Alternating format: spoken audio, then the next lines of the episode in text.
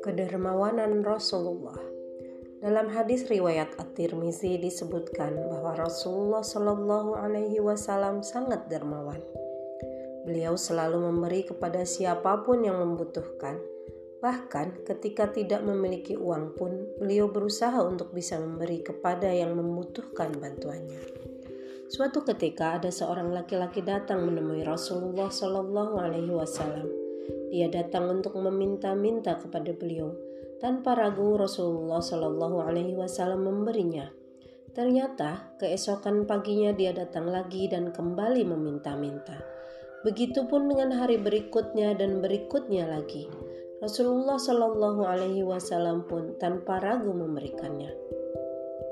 Suatu ketika Rasulullah Shallallahu Alaihi Wasallam tidak memiliki apa-apa lagi untuk diberikan.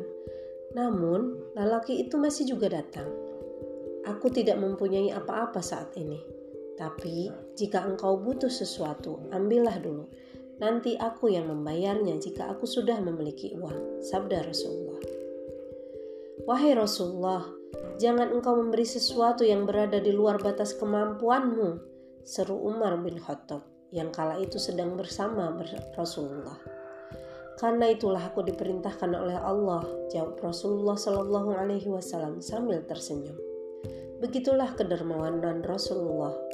Beliau begitu sangat dermawan, mengalahkan kedermawanan siapa pun.